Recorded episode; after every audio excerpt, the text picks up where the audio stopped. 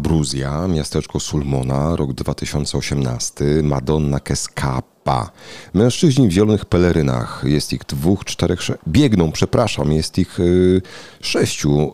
Y, trzymają figurę Matki Boskiej. Przed czym uciekają? Dokąd lecą? Co to w ogóle jest? Wiesz może jaki ma to związek y, z Wielkanocą? No bo jeśli wiesz, Hmm. Posłuchaj podcastu. Za chwilę powiemy o innych tradycjach i zwyczajach wielkanocnych rodem z Półwyspu Apenińskiego. No ale jeśli nie wiesz, to także posłuchaj podcastu. Z piątego już odcinka dowiesz się więcej o Wielkanocy w Italii. Jak się obchodzi, co się je. I powiemy także o tym, że panettone to nie babka wielkanocna, to ciasto bożonarodzeniowe. Sulmona to jedna, nie jedyna y, tradycja w czasie Wielkanocy w Italii. Będzie tego więcej. Jeśli chcesz zobaczyć film, jak to wygląda, zobacz do notatek y, z tego podcastu. Na pewno sięgniesz po link i przekonasz się, jak wielka to uroczystość.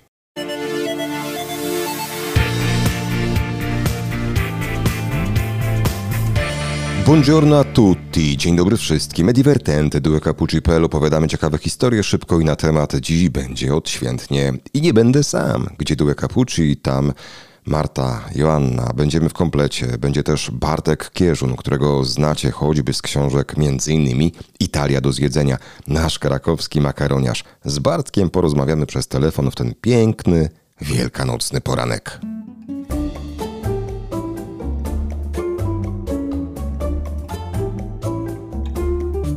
Święta wielkanocne, jakkolwiek bardzo ważne dla wszystkich chrześcijan w Italii, są obchodzone mniej uroczyście niż w czasie choćby Bożego Narodzenia. Stąd wzięło się nawet powiedzenie Natale con i tuo i Pasqua con chi vuoi. Oznacza to mniej więcej tyle, że Boże Narodzenie spędza się z rodziną, a Wielkanoc z tym, czy z tymi, z kim się chce.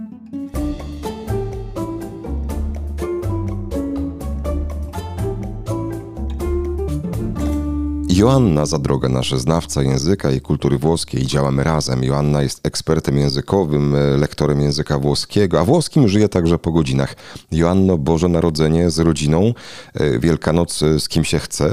Znasz to określenie? We Włoszech to zdanie Natale con tuoi, e Pasqua con vuoi do tej pory e, jest hołdowane i jest bardzo istotne i ważne. I Włosi rzeczywiście Boże Narodzenie spędzają przede wszystkim ze swoją rodziną e, w taki bardzo tradycyjny sposób, a Wielkanoc e, spędzają ze swoimi przyjaciółmi i tak to do tej pory jest. Rozumiem, że uwarunkowania pogodowe sprzyjają y, spotkaniom ze znajomymi, przyjaciółmi, a w lany poniedziałek, y, czy wiesz, jak y, spędzają Włosi? Istotną e, kwestią jest to, że Wielkanoc odbywa się już e, w czasie wiosennym, więc można troszeczkę e, pobyć na świeżym powietrzu i, i na przykład Pasquetta, czyli ten poniedziałek wielkanocny, Włosi spędzają ze swoimi przyjaciółmi na przykład gdzieś tam na piknikach, biorą kosze piknikowe z dobrym jedzeniem i spędzają go ten dzień na, na, na zewnątrz.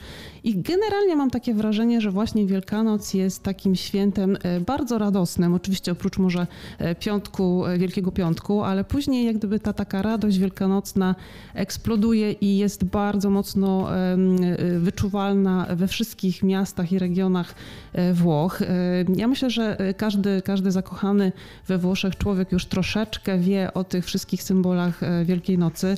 Myślę, że w Polsce kolomba jest już nam znana, czyli to drożdżowe e, ciasto, e, taka babka e, właśnie z migdałami, z, z cukrem, em, trochę przypominająca panettone. Kolombę można już dostać w wielu sklepach polskich i coraz częściej pojawia się na naszych polskich stołach. Ja myślę, że torta pasqualina, czyli ten taki przysmak liguryjski, świętuje teraz no, ogromne triumfy w internecie i, i, i wielu z nas próbuje przygotować tą tortę pasqualiną sobie w domu. E, To jest taki rodzaj placka właśnie z ricottą, ze szpinakiem, e, coś innego, coś, coś zupełnie odmiennego, niesłodkiego przede wszystkim. Ja myślę, że wielu z nas nie zaskoczy również to, że Włosi jedzą aniello, czyli jagnięcinę na e, Wielkanoc. To też i tam symbolicznie sporo znaczy, więc to też nas, myślę, już mocno nie dziwi. Colomba di Pasqua. No jasne, że tak. Znamy, lubimy, przygotowujemy nawet przepisy na Torta Pasqualina i Colomba di Pasqua znajdziecie na duecapucci.pl, a do rozmowy z Joanną na pewno jeszcze powrócimy w czasie tego wielkanocnego naszego podcastowego spotkania.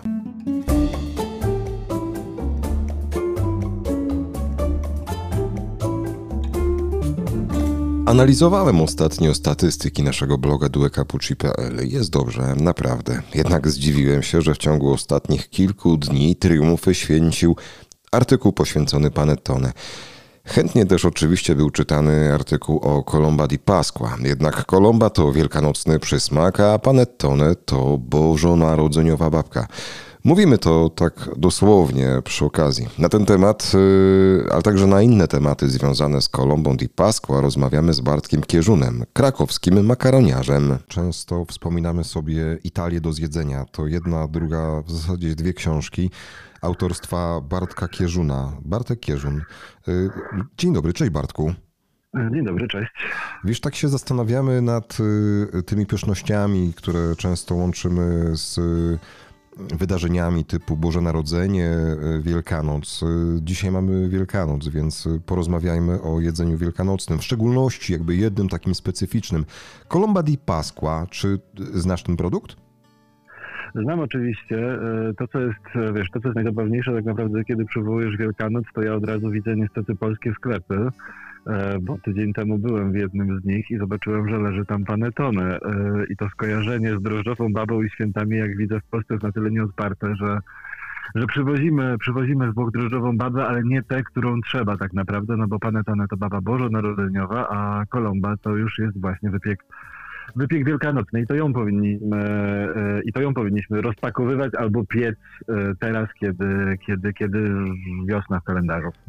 Ale muszę ci to powiedzieć, Bartku, ponieważ e, ja codziennie patrzę na statystyki naszego bloga duekapucci.pl i faktycznie powiem ci, w przeciągu ostatnich dwóch miesięcy nasz wpis, nasze wpisy o Panettone, słuchaj, biją rekordy. Ale to w jaki, znaczy, to, to, to, to, to faktycznie tak można zareagować, niemniej jednak y, no, jest to jakieś podobieństwo. Rzeczywiście Boże Narodzenie jest, to jest, no jest panetone. Jest absolutnie. Możemy tego, wiesz, możemy tego nawet nie wiedzieć, możemy, ale wiesz, jakby przeczucie jest, przeczucie idzie we właściwym kierunku. A, właśnie. Ja się śmieję, ja się śmieję tylko i wyłącznie z tego, że tak naprawdę, wiesz, ja, ja kiedy, kiedy Boże Narodzenie było, y, było, że tak powiem, na tapecie, czyli w grudniu, usiłowałem znaleźć e, w sklepach panetone, bo przyznaję szczerze, miałem lenia i nie chciało mi się go piec. E, więc miałem ochotę kupić sobie jakieś dobre rzemieślnicze panetone w jakimkolwiek sklepie i okazało się, że mniej więcej od 5 grudnia nie było, nie było dostępne w Krakowie nigdzie.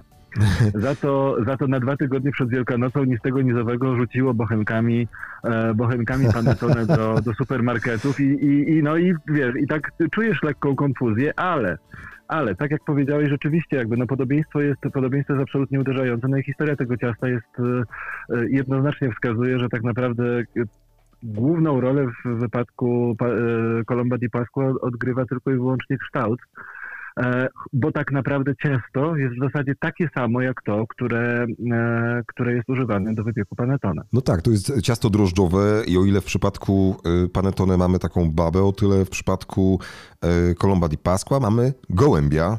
Czy tak, znasz mamy może... gołębia, mamy, in, mamy inny kształt i to jest, wiesz, i to był, to był pomysł, który się pojawił w latach w latach 40. we Włoszech właśnie co zrobić, e, kiedy masz, e, kiedy masz piekarnię, która jest przygotowana do wypieku jakichś gigantycznych ilości panetone na Boże Narodzenie, no a, a, a potem wiesz, potem tak naprawdę ta fabryka stoi, ta piekarnia stoi pusta przez, przez okrągły rok, no i trzeba było... Co zrobić? Kiedy, tak, co by tu zrobić, żeby, żeby jednak te maszyny i żeby ci ludzie, którzy tam pracują, mieli jakieś zajęcie. No i, e, i to właśnie wówczas, i to właśnie wówczas ktoś wpadł na ten pomysł, żeby żeby z tego samego ciasta upiec, yy, upiec babę, ale w innym kształcie, pokryć ją, e, pokryć ją białym lukrem, który miał się kojarzyć wiesz, z tą nadchodzącą wiosną, e, niewinnością i tymi, ty, tymi historiami symbolicznymi, wszystkimi, które, które się wiosną dzieją w naszych głowach, posypać to wszystko, posypać to wszystko migdałami i mieć zupełnie nowy wypiek. I tym, tym kimś był Dino Villani, to był, to był taki taka dość nieprzeciętna postać w, w latach 30. W, w, we Włoszech w Mediolanie. On był dyrektorem e, reklamy firmy Motta, ale przy okazji przy okazji był też malarzem i krytykiem sztuki, więc, więc tak naprawdę wiedział, wiedział co robi, bo, bo łeb miał na karku i, i to właśnie jego pomysł jest odpowiedzialny za to, że dzisiaj podczas świąt wielkanocnych Kolomba jest takim podstawowym wypiekiem, który się, wiesz, wręcz identyfikuje z, z Wielkanocą. No mimo tego, że korzenie ma mocno bożonarodzeniowe. Zdecydowanie tak, ale też y, tej historii, y, bo w zasadzie to po powiedziałeś o no jakby jednym wydarzeniu takim historycznym, które faktycznie stoi u podstaw y, stworzenia tego charakterystycznego dla czasów Wielkiej Nocy włoskiego ciasta, ale tych y, legend, skąd w ogóle się to wzięło, ten gołąb jako znak pokoju, jakby tych legend jest wiele. Znasz jeszcze jakieś? Tego jest wiele. Słuchaj, tego jest wiele, oczywiście, że tak, bo Włosi są absolutnymi mistrzami w opowiadaniu anegdot o jedzeniu i, i wymyślaniu historii. E, no bo jakby wiesz, fakty są takie jak to, co powiedziałem przed chwilą. A teraz możemy do siebie pomrugać e, i wiesz, i rzeczywiście przywołać przywołać historię z, z, z zamierzchłej przeszłości, bo, bo sięgnąć aż do VI wieku, kiedy, e, kiedy, kiedy Longobardzi, którzy wówczas tak naprawdę zamieszkiwali gdzieś w okolicach Panonii, czyli umówmy się, Węgry na styku z Chorwacją, gdzieś tam, gdzieś tam te, te, te, te, te tereny, które dzisiaj jakbyśmy mieli szukać Panonii na mapie, to raczej tam. E, no i oni właśnie mieli, wiesz, dotrzeć na, na tereny Lombardii, zacząć oblegać Pawije i, i wtedy tak naprawdę e, to ciasto miało zostać upieczone po raz pierwszy e, i miało być taką, wiesz, taką łapówką, że tak powiem, dla, dla króla Longobardów. Argumentem. Takim argumentem za pokojem, wiesz, tak bym to widział. Nie używajmy Dobrze, tego to... typu, no to był argument. Dobrze, argumentem, słuchaj, e, więc tych argumentów pojawiało się wiele jeszcze troszkę później, e, bo, bo inna opowieść przywołuje królową Teodolinę, które to Teodolinę... Bawarka. Taka tak, bawarka, bawarka, bawarka, bawarka. mieszkająca we Włoszech, tak, która, słuchaj, w związku z tym, że musiała musiała przyjąć, e, przyjąć mnichów u siebie na dworze, e, a, wypadło to w Wielkanoc. Podała oczywiście, wydała oczywiście niesamowitą ucztę, było tam całe mnóstwo mięsa, no i, e, i Kolumban, czyli przywódca tych, tych, tych cystersów, zdaje się, którzy wówczas przyjechali do Lombardii, powiedział, że no, on tak nie bardzo, no bo jest Wielki Post i to w sumie grzech jeść mięso ale w związku z tym, że, że wynikło z tego potężne polityczne napięcie, no to Kolumban postanowił podziałać i i rozbroić sobie, bombę. On, tak, rozbroić bombę i e, dokonał błogosławieństwa i wszystkie mięsa, wszystkie wypieki e, pieczyste, które stało na stole, zamieniło się w białe, pszenne, pszenne chleby w kształcie gołębi i wówczas wszyscy mogli to zjeść i wszyscy byli bardzo zadowoleni. E, królowa ufundowała im zakon, e, zbudowała klasztor i, i, i znowu historia pognała do przodu i dzięki temu rzekomo jemy Jemy Kolombę jest jeszcze jedna opowieść, o ile dobrze pamiętam. E, to wiek XII, koniec XII wieku, bitwa pod, pod Lenano i tam, e, tam się biła Liga Lombardzka z... Fryderyk Barbarossa tam odegrał jakąś tak, rolę, nie? Tak, tak, tak, tak. Znaczy on był, wiesz, on był, on był, on był, że tak powiem, przegranym tej bitwy, a, a było to o tyle sensacyjne zwycięstwo, że e, Liga Lombardzka była dużo mniejsza, miała dużo mniejsze zasoby wojsk, a, a Fryderyk Barbarossa miał za sobą olbrzymią armię i e, przywódca Lombardczyków e, idąc, idąc, podążając na... Na, na, na, na ścięcie. Na, tak, w zasadzie na ścięcie, rzeczywiście idąc po, pora, po porażkę, zobaczył, zobaczył ponoć nad polem bitwy dwa go, po, pora, po porażkę, zobaczył, zobaczył po, ponoć nad polem bitwy dwa gołębie białe i, i, i wówczas wpadł na pomysł, że żeby jakby hmm, użyłbym, e, ty użyłeś określenia argument, prawda, żeby uargumentować nieco swoich żołnierzy, nakazał e, kucharzom pieczenie e, takich chlebów właśnie w kształcie gołębi, one miały zagrzać do boju. No i rzeczywiście zagrzały, zagrzały. Tyle, że zagrzały. Liga Lombardzka wygrała tę bitwę i było to zwycięstwo absolutnie sensacyjne. I wiesz, i te opowieści e, są przywoływane rzeczywiście w kontekście, e, kontekście tego wielkanocnego wypieku. E, no ale tak jak mówię, to są, to są cudowne historie. Oczywiście one nam mówią bardzo dużo o historii Włoch, natomiast, natomiast no, prawda jeżeli komuś na zależy naprawdę, jest taka, że, że to dopiero lata, lata 30. i 40., że dopiero wtedy e, tak naprawdę, wiesz, tam, tam się zbiegło kilka rzeczy.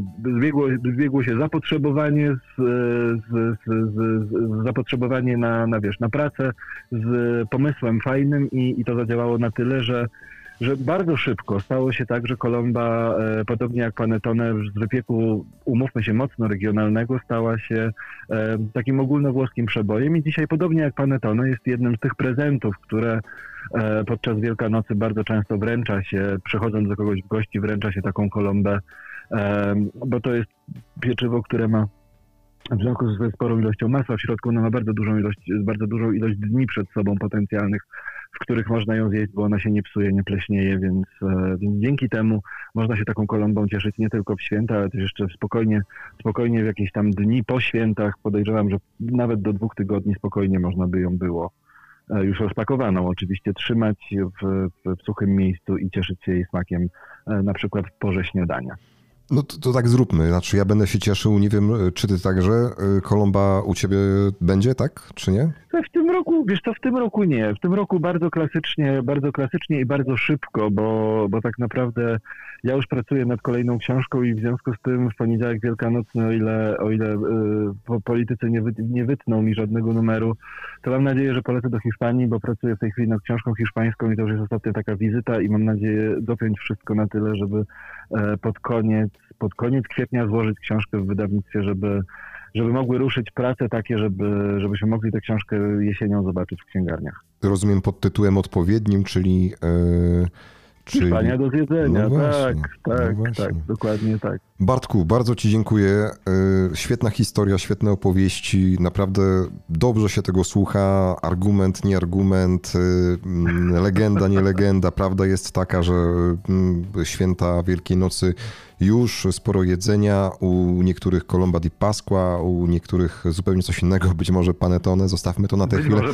Trudno jest uświadomić, no ale myślę, że między innymi nasza rola na tym polega, aby kropla drąży kamień, mówić o tym Słuchaj, cały ja mam czas. taką propozycję, wydaje Dobra. mi się idealną. Jeżeli ktoś się jednak pomylił i kupił panetone, to proponuję ukroić kromkę panetone, potem z tej kromki wyciąć kształt gołębia i będzie I mamy to. jak nic.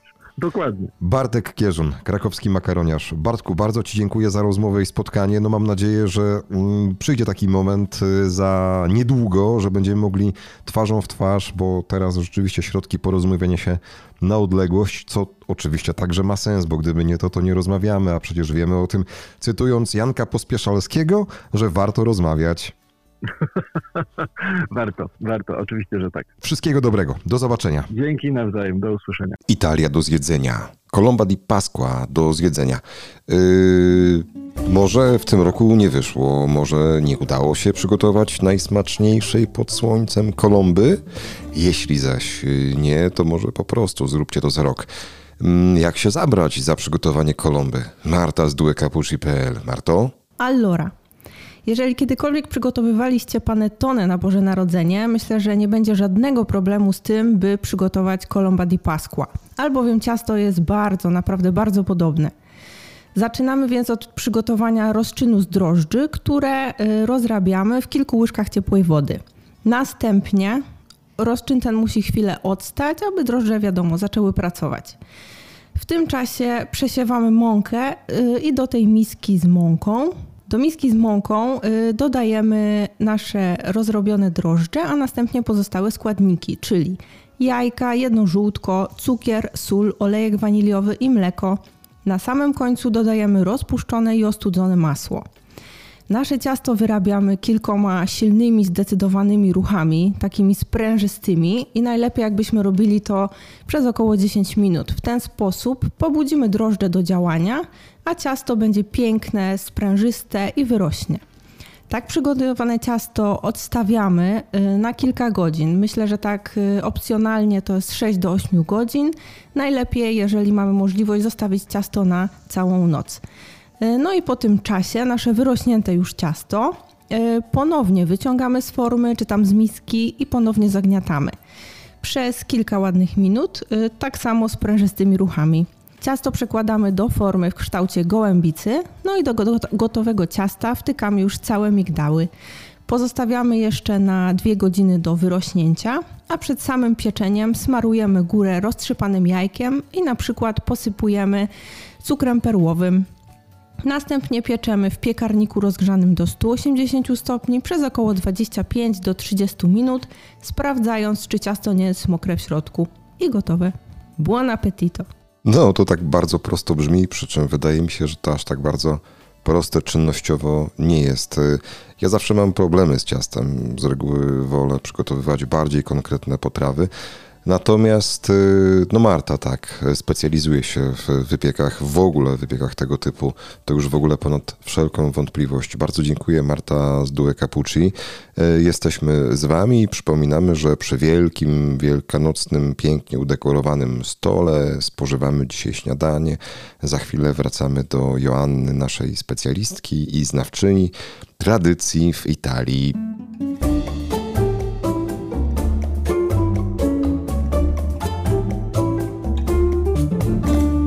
Zwyczaje wielkanocne, no to jest y, to. W zasadzie zwyczaje są wszędzie. Szukamy tych niepowtarzalnych, szukamy na Półwyspie Apenińskim od północy w stronę południa. Joanno, y, hmm, jak cię znam, powiesz na pewno o pojedynku na jajka, o których przeczytałem, ale o czym powiesz jeszcze? W tym czasie e, dość popularne są e, targi lokalnych wyrobów. Można podziwiać na przykład e, piękne wyroby z drewna, z wikliny, ale też na przykład cudne stroje, które są takie bardzo kolorowe, bardzo bogato zdobione. To jest okazja, żeby właśnie poznać trochę tego folkloru włoskiego. Ja myślę, że nawet Włosi nie do końca znają wszystkie tradycje, które się odbywają w ich własnym kraju. W Dolomitach na przykład dosyć znaną zabawą, zabawą taką e, wspólną odbywaną na placu e, jest taki pojedynek na jajka, te kolorowe oczywiście. E, tutaj próbuje się rozbić jajko przeciwnika i wtedy ten ktoś wygrywa. Nie wiem, czy to jest coś spektakularnego, ale na pewno jest to sposób na to, żeby spotkać się razem, żeby pobyć ze sobą, żeby w takiej atmosferze radości i, i, i i, i, wspólnej zabawy spędzić właśnie ten wielkanocny czas. E, jak się przesuniemy na południe, to tam z kolei e, bardzo takim znanym e, rytuałem i tradycją jest taki pojedynek diabłów i śmierci z aniołami. To jest bardzo ciekawe. To jest procesja, w której biorą udział oczywiście widzowie, ale też osoby, które są przebrane za właśnie takie diabły z wielkimi maskami i właśnie one próbują trochę poprzeszkadzać w tym spotkaniu symbolicznym oczywiście Madonny i, i zmartwychwstałego Jezusa. Przeszkadzają w tym również anioły, które e, doprowadzają do tego, że no, wygrywa jak zwykle dobro i, i tutaj wszystko się dobrze kończy.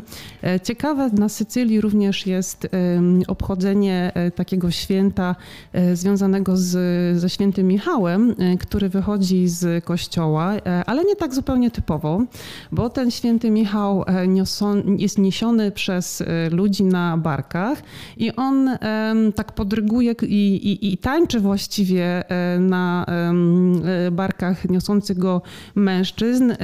Ludzie oczekują jakby na wyjście tego, e, tej, tej, tej, tej, tej statuły mm, niesamowicie się cieszą. To wszystko się kończy fajerwerkami i ogromną e, radością na placach. I to jest Wybuchowo. takie chyba inne niż e, w Polsce, że te e, święto jest bardzo, bardzo radosnym świętem i pełnym właśnie takiej, no czasem przypomina chyba trochę bardziej Sylwester niż, niż właśnie Wielkanoc.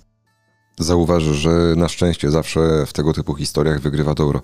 Eksplozja radości, tak w Italii, u nas w Polsce może hmm, mniej ekspresyjnie, ale wracając do y, Półwyspu Apenińskiego, Joanno, y, czy analizując te zwyczaje, masz może jakiś swój najbardziej ulubiony?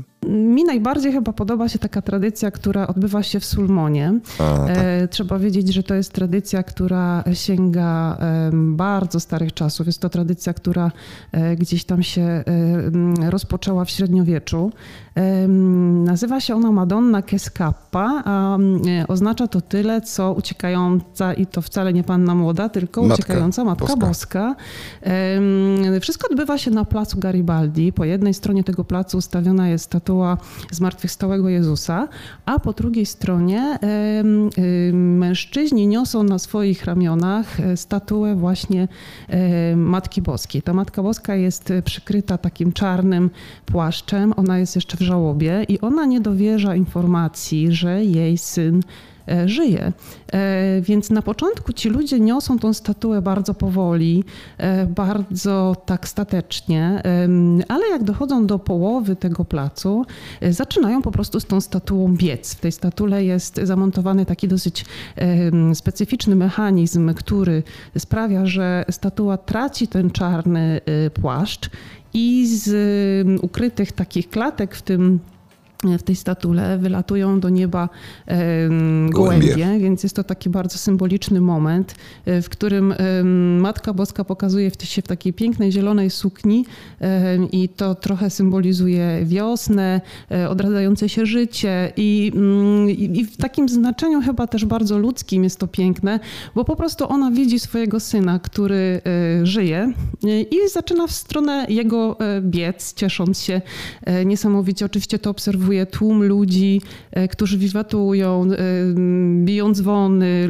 Ci niosący e, tą statuę mężczyźni bardzo się też cieszą, bo ja podejrzewam, że to nie jest proste taką ciężką, taki ciężki posąg po prostu nieść i z nim biec. Myślę, że to bardzo piękne, bardzo symboliczne, na pewno widowiskowe. Wszystko się kończy właśnie muzyką i wystrzałami sztucznych ogni. No, myślę, że bardzo, bardzo ciekawe, nawet jeśli nie patrzeć na to w sposób taki właśnie religijny. Bardzo ciekawe to na pewno. Y, jesteśmy teraz, y, to jest mniej więcej y, środek Półwyspu Apenińskiego, a spróbujmy, aha, to jest ten wschodni, ta, ta wschodnia część, a spróbujmy przejść do tej zachodniej. A czy wiesz, co może się dzieje w naszej ulubionej Toskanii? Z kolei we Florencji jest bardzo ciekawy rytuał, e, który ma swoje początki już gdzieś podczas pierwszej krucjaty mm, jeden z przedstawicieli e, rodów Pazzi e, przywiózł z grobu pańskiego krzesiwo. I to krzesiwo najpierw byłoby stawiane na na widok publiczności, a później tym krzesiwem odpalano mm, takie palenisko, które było wożone po całym mieście. I mieszkańcy mogli sobie podejść do tego paleniska i odpalić swoje własne świece i ten święty ogień zabrać do swoich e, domostw. Potem to się trochę zmieniło i ten wóz taki bardzo zdobiony, który kiedyś woził właśnie to palenisko ze świętym ogniem, teraz jest pełen e, takich sztucznych ogni po I teraz, kiedy on z, zatrzymuje się naprzeciwko wejścia do Duomo, do tej jednej z najpiękniejszych katedr, mm, tak. chyba nawet w, w całym tak, świecie, tak, to w środku arcybiskup przy ołtarzu ma taką e, specjalną racę, która nazywa się Kolumbina i on tą racę odpala i e, Kolumbina w taki symboliczny sposób leci w kierunku tego wozu i odpala cały bardzo taki e, specyficzny system pirotechniczny i tak naprawdę na placu odbywa się przepiękny pokaz sztucznych ogni. No to jest dosyć trudna sprawa, dlatego że jeśli ta Kolumbina, ta raca odpali bez problemu ten wóz i wszystko się pięknie uda, no to to będzie oznaczało bardzo taki korzystny rok dla Florencji, więc domyślam się, że dla arcybiskupa musi być to niesamowicie e, trudna sprawa i taka dosyć, no powiedziałabym, e, stresująca, no bo jeśli się, się to nie uda, no to wtedy, wtedy e, może to przynieść kłopoty miastu. Coś, co jest bardzo pięknym zwyczajem, troszkę innym, bo tam te dwa myślę, że przede wszystkim są niesamowicie wesołe i takie radosne. Jest E, procesja, która się nazywa La Processione dei Misteri, odbywa się na południu e, w regionie Apulia, e, w Taranto i rozpoczyna się wieczorem w Wielki Piątek, kiedy to taki taki cały pochód zakapturzonych e, pokutników wędruje ulicami miasta. E, oni są specjalnie ubrani, mają takie białe szaty, są przykryci e, takimi kapturami i poruszają się w, w parach. 12 godzin Specyficznie chyba. kołysząc się na boki i nie wiem, czy jesteście sobie to w stanie wyobrazić, że oni ulicami miasta wędrują aż 12 godzin. Dokładnie. Te 12 godzin jest spowodowane tym, że oni idą niesamowicie wolno. Ten chód, tego sobie nie da nawet wyobrazić. Myślę, że trzeba to zobaczyć. Jest po prostu niesamowicie wolny. Ja mam wrażenie, że to jest coś na zasadzie e, właśnie takiej pokuty odbywanej na nawet delikatnej tortury, dokładnie tak.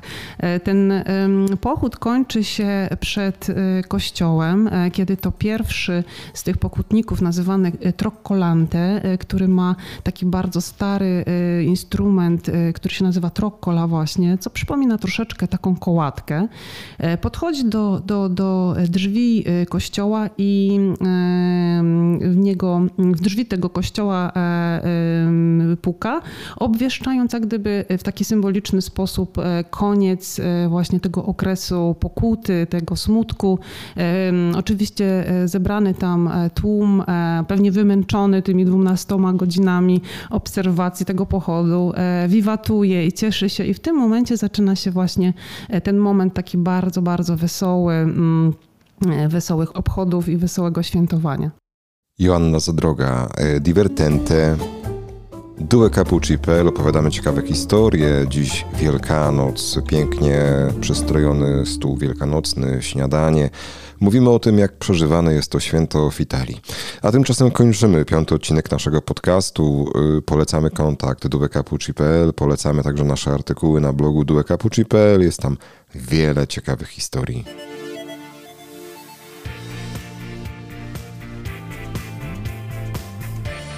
A dziś już bardzo dziękujemy. Bona Pasqua. Do usłyszenia za tydzień. A za tydzień powiemy innymi o Toskanii. Toskanie mieć będziemy na talerzu. Powiemy o namiastce Toskanii w Polsce, to wszystko w Gliwicach, w Katowicach, być może za chwilę we Wrocławiu i Warszawie, a będzie się działo. No o tym i jeszcze wiele innych ciekawych historii na naszej stronie duecapucci.pl za tydzień w podcaście Divertente. Buona Pasqua, do usłyszenia, ci vediamo, ciao.